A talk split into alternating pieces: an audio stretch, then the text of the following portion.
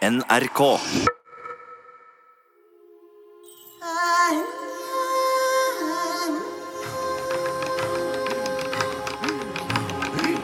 Jeg er Apalutok den røde. Mennene ser på meg når jeg går gjennom stuen. Egede er der. Jeg er ikke usynlig lenger. Ikke for ham. Jeg kan ikke være usynlig når han er i farvannet. Hvem er du? sier mennene. Hva gjør du her? Egede spretter opp. Glass velter, ramler på gulvet. Han roper. Der er han. Djevelen. Jeg er ikke djevelen. Jeg er Appalutok.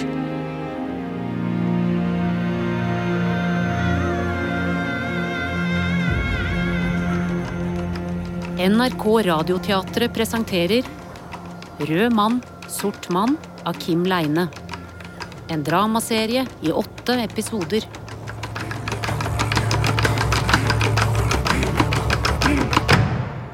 Fjerde del Jomfru Titia.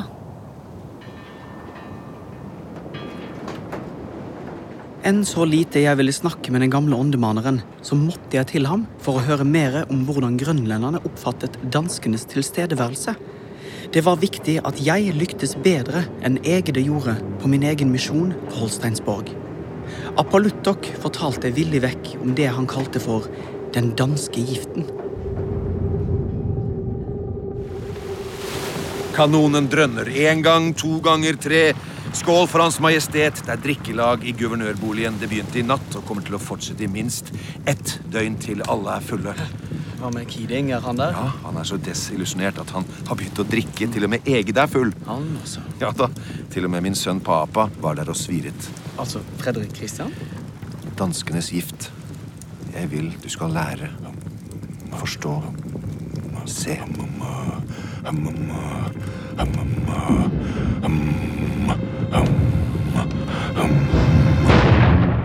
Krutt og brennevin, det er det eneste vi har nok av. De tre grønlenderne sitter borte ved døren. Medhjelpere ved handelen som Porsch hadde invitert, hopper forskrekket i været hver gang kanonene dundret. Skård, gi dem brennevin. Men de betakket seg. De ville heller ha vann. Drikk nå en skål for kongen deres. Ja, det, det er deres plikt. De nipper av snapsglassene og eksploderer i hosting og spytting. Men hvem er det som sitter der alene ved vedkassen uten å få noe å drikke? Skård, du, gi den unge herren et krus øl, og etterpå noe av det sterke. Papa får et stort krus øl.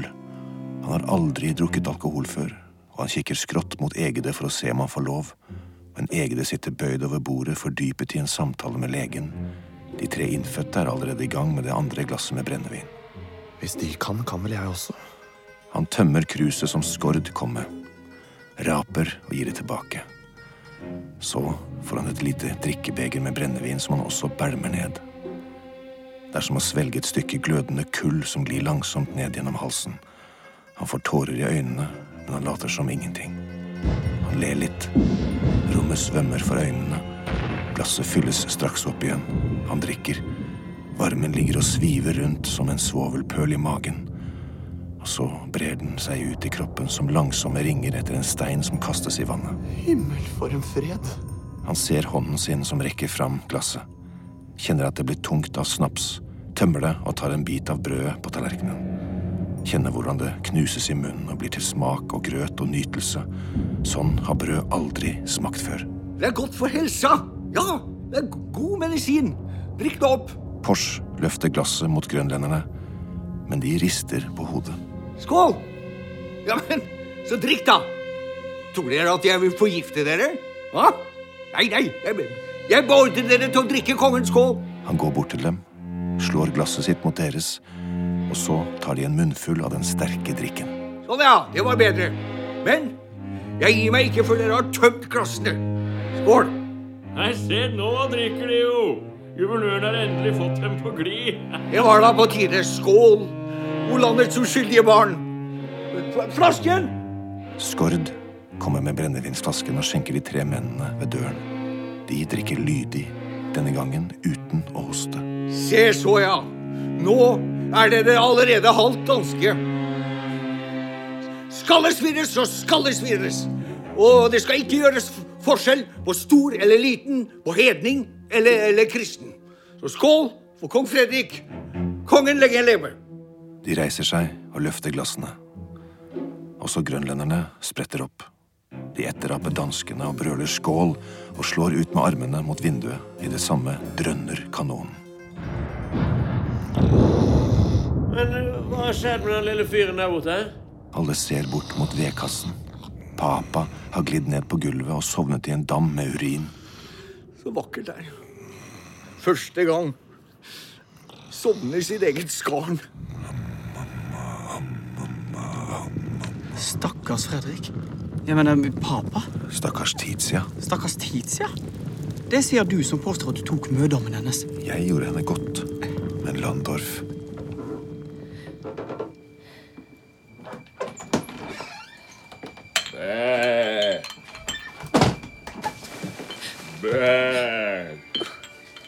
Hit, hit, Colombine. Du skremmer meg med den geitemasken. Jeg er nødt til å ha det. Det er dessverre ingen vei utenom. Ta av deg klærne, da.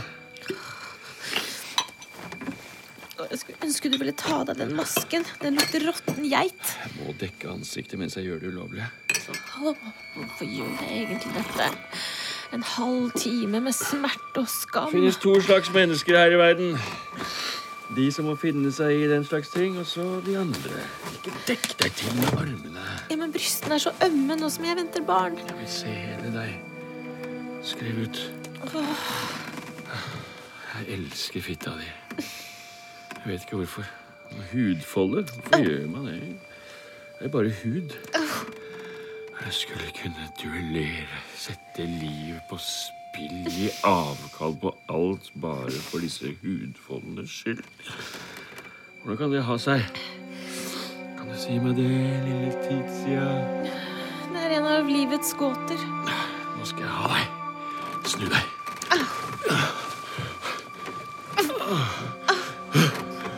Au. Magnificat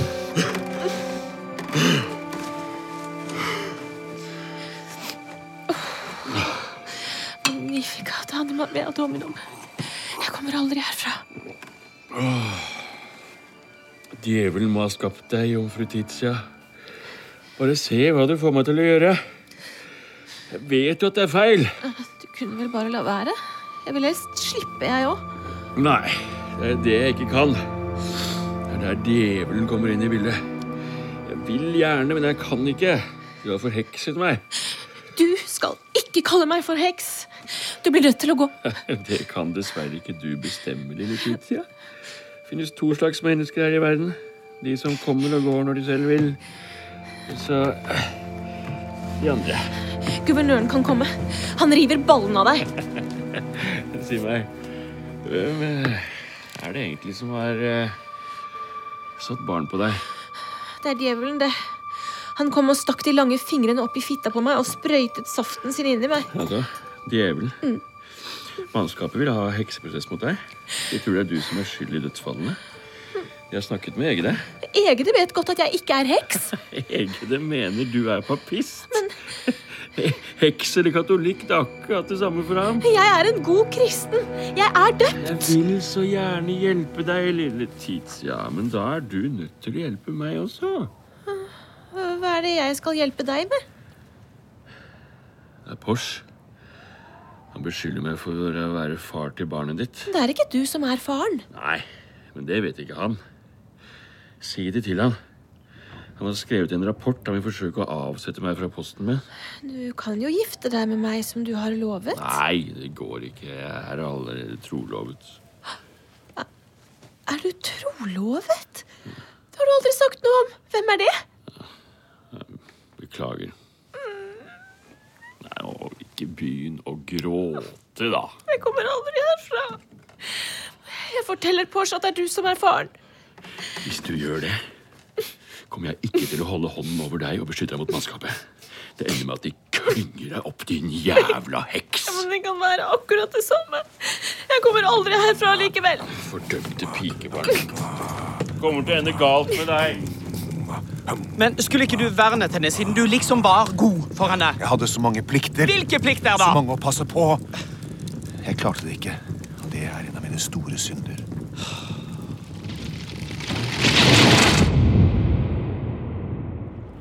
Ja, hun hadde det ikke lett. Hm. Det var særlig når hun lå i døsen etter et anfall, som de andre mennene. Ikke bare Landorf, men eh, Men, men dette med at folk kunne trodd at hun var heks? Hun påsto jo selv at djevelen hadde gjort henne svanger. Så kanskje hun var heks.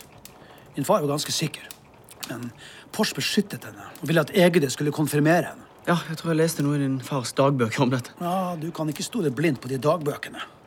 Han hadde ofte sine egne oppfatninger. Jeg var der. Jeg så det hele. Eh, eh, Nils, eh, skal vi ikke sette oss? Se her, du kan, du kan ta min tobakk. Takk. Så Skal vi se Det var vel januar 1729. Far hadde kledd seg i pipekrave og svart kjole. Klokken seks møter Porsche som avtalt opp i misjonsstuen med tidssida.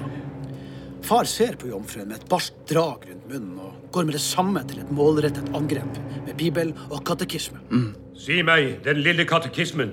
Men Pors hadde nok instruert henne i å ikke blande katolske bønner eller fraser inn i det. Og det lykkes henne å unngå alle latinismer og papismer. Så hun klarer seg godt? Men så, med et raskt grep som en taskenspiller, drar han frem et stort kors og holder det frem mot henne. Forsaker du djevelen og alle hans gjerninger, pikebarn? Hun tar imot det uten å nøle. Jeg forsaker djevelen og alle hans gjerninger. Tror du på Gud Fader den allmektige? Jeg tror på Gud Fader den allmektige. De gjennomgår trosbekjennelsen. Spørsmål, svar. Og hun sitter og stirrer fremfor seg med et glassaktig blikk. Pors og jeg vet at det bare er et spørsmål om minutter før hun bryter sammen og begynner å lire av seg et eller annet sinnssykt. Hvor ble du døpt? Hun ble døpt i St. Laurenti-kirke i Herlem. La henne svare. Hva het presten? Tived. Han het Tived. Men du er ikke konfirmert ennå. Selv om du er 16 år. Nei, Hvorfor ikke? Ja, det er vel ikke noe hun bestemmer selv? Pors ser med stigende engstelse at hun har begynt å stivne og holder hodet ubevegelig og klemmer leppene sammen. Det er som regel et tegn på at et anfall er under oppseiling. Kan vi kanskje fortsette en annen dag? Hvis djevelen viser seg for deg, hva gjør du da?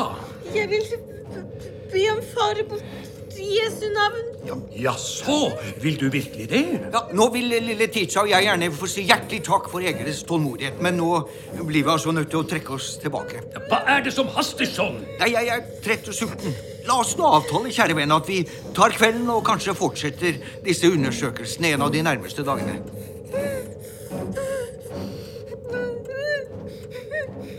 Men jeg døper henne ikke. Det er et samvittighetsspørsmål. Pors griper tak i tidssida og drar henne mot døren. Og Far følger det med øynene, men sier ikke mer. Så Porsche og jeg får løftet tidssida over skulderen hans. Og så springer vi rundt huset, røsker opp døren og kaster henne på sengen. I siste liten. Øynene hennes ruller som biljardkuler, og tykk, skummende fråde står ut av munnen hennes.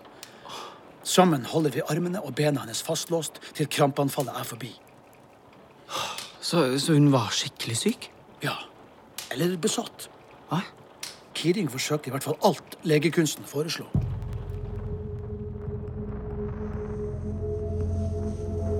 Jeg besøker Tizia hver dag. Avsindigheten hennes er en gåte jeg har bestemt meg for å løse. Jeg leser i bøkene, men de gir meg ingen svar, bortsett fra det sedvanlige om galle og blod og demonisk besettelse. Det er noe i kroppen hennes som er kommet i ulage. Jeg gir henne et skålvarmt bad med krydderurter fra villmarken. Kom da, lille Tizia. Baljen er klar. Når hun ligger nedsenket i det varme, duftende vannet og holder på å sovne, øser jeg uten varsel flere spann med knust is i baljen. Nei! Jeg gjør det for å hjelpe deg. Den tynne, bleke kroppen med den svulmende maven vrir seg ned i vannet. Hun klorer og biter. Jeg kaller på skord, og med felles hjelp løfter vi henne opp fra baljen, legger henne på sengen og frotterer henne. Jeg kommer til å gi henne denne behandlingen helt til galskapen hennes forsvinner. Hvorfor er du så slem mot meg, mester Kidding? Det er ikke deg jeg er slem mot, men avsindigheten din. Sinnet ditt er delt i to deler. En gal og en fornuftig. Det er den gale delen vi må jage bort. Heldigvis har hun fått selskap av den gravide tukthusfangen Sise, som Pors har så godt øye til, og som er kommet like langt i svangerskapet som Tizia selv. Pors har fått Sise til å bo der for å hjelpe Tizia med husholdningen.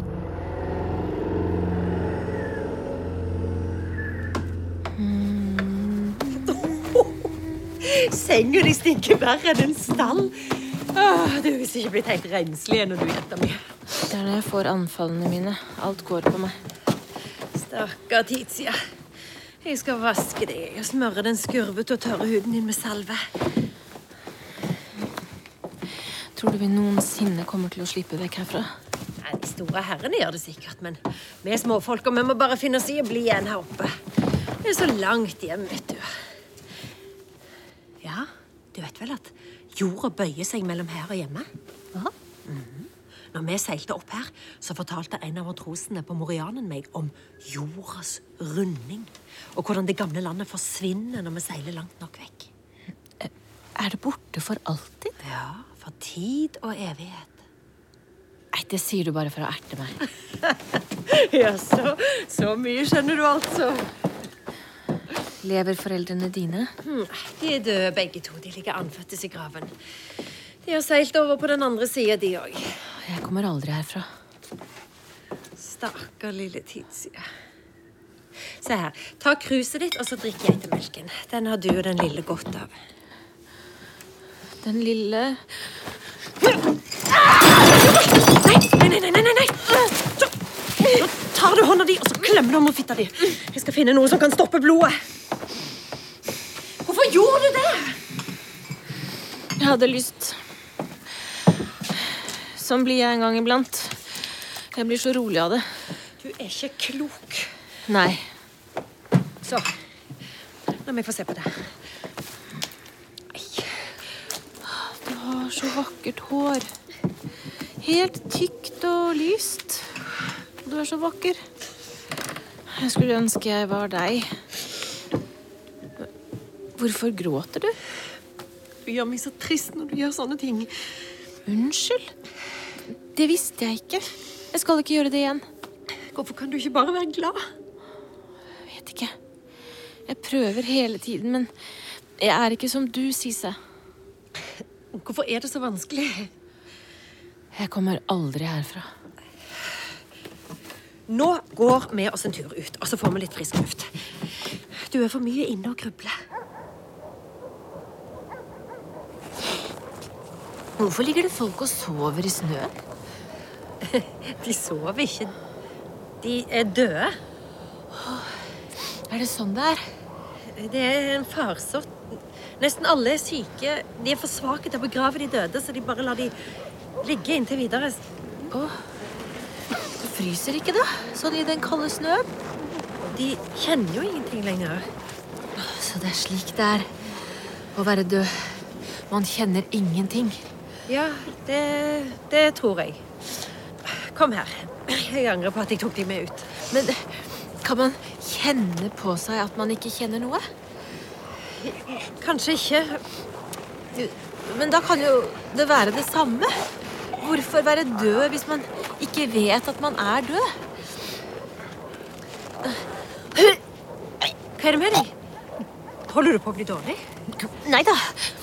Jeg kjenner bare etter. Kjenner etter hva da?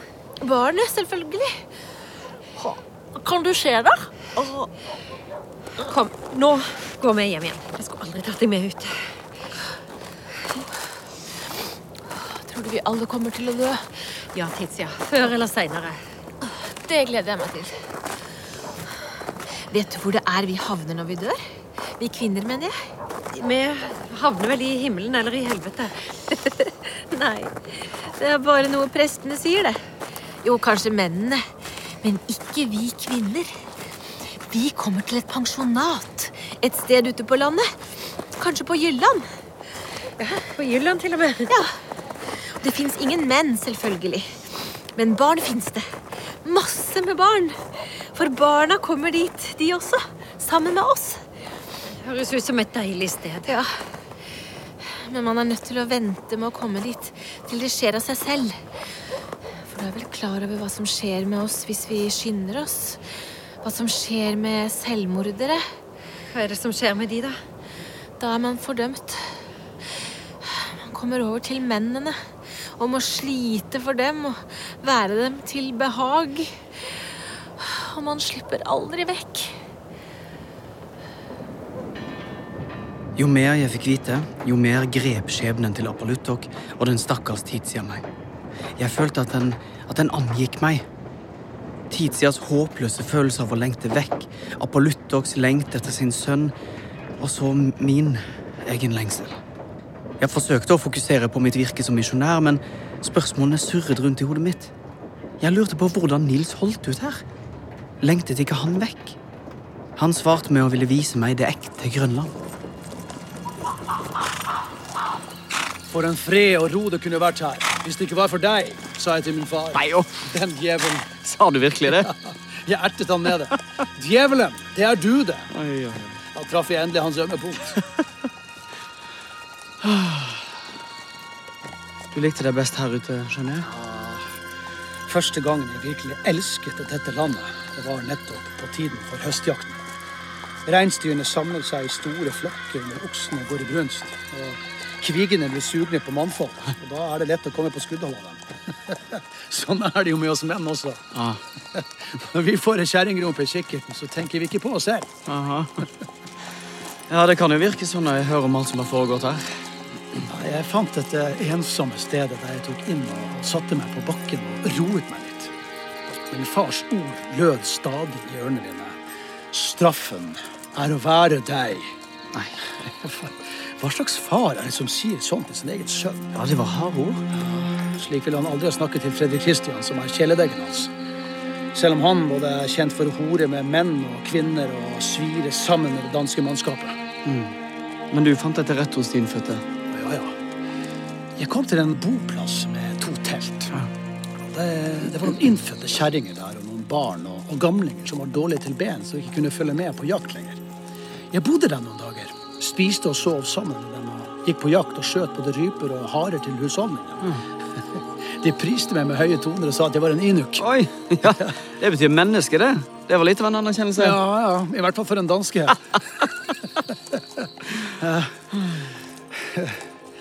Jeg lå med en pike, og hun var veldig søt. Jeg syntes godt om meg, og jeg sa at jeg hadde lyst til å gifte meg med henne. Ta henne med meg tilbake til kolonien vår når faren min hadde gått heden. Men det ville hun ikke.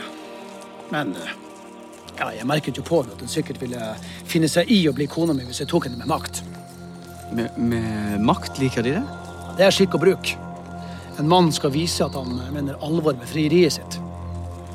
Jeg pleier å ta piken jeg valgt i håret og dra av gårde med henne. Ja, det ble masse skrik og gråt ut av det fra piken selv og familien, men eh, når de bare kommet hjem til ham, så er alt fryd og gammen. Ja, Men fikk du henne til slutt? Da jeg lå hos henne om kvelden, hun både myk og mild og ga seg hen til meg med bløte lepper og søte ord, men ja, på tredje dagen så brøt jeg opp. Eh, Hvordan føltes det, da, om jeg, om jeg tør spørre? Jeg skulle ønske at jeg hadde tatt henne fordi jeg var glad i henne, og ikke for å terge faren min. For da handlet jeg jo likevel etter hans hode, bare omvendt. Hvis bare han kunne ta seg sammen og dø, slik som enhver god far bør gjøre, så sønnene hans kan få lov til å leve som de selv vil. Men likevel ønsket jeg jo ikke hans død. Nei. Så ditt dilemma var kan man både være en egede og en villmann? Det kan du si. Kan man både elske og hate? Kan man både være glad og ulykkelig? Kan man både være grønlender og danske?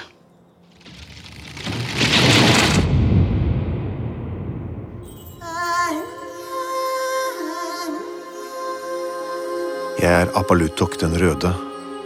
Jeg flyr. Jeg legger armene langs siden og tordner av gårde over himmelen med håret flagrende etter meg som en komethale. Jeg er to steder på en gang. Jeg ligger i torvhytta og biter i det sure jordgulvet og går meg en tur i Københavns gater. Jeg reker rundt en del. Jeg ser ting som jeg verken kan eller vil fortelle.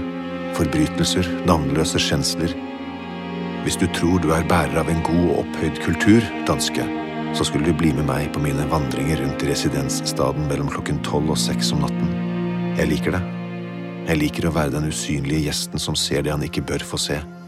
Og jeg hater meg selv fordi jeg liker det.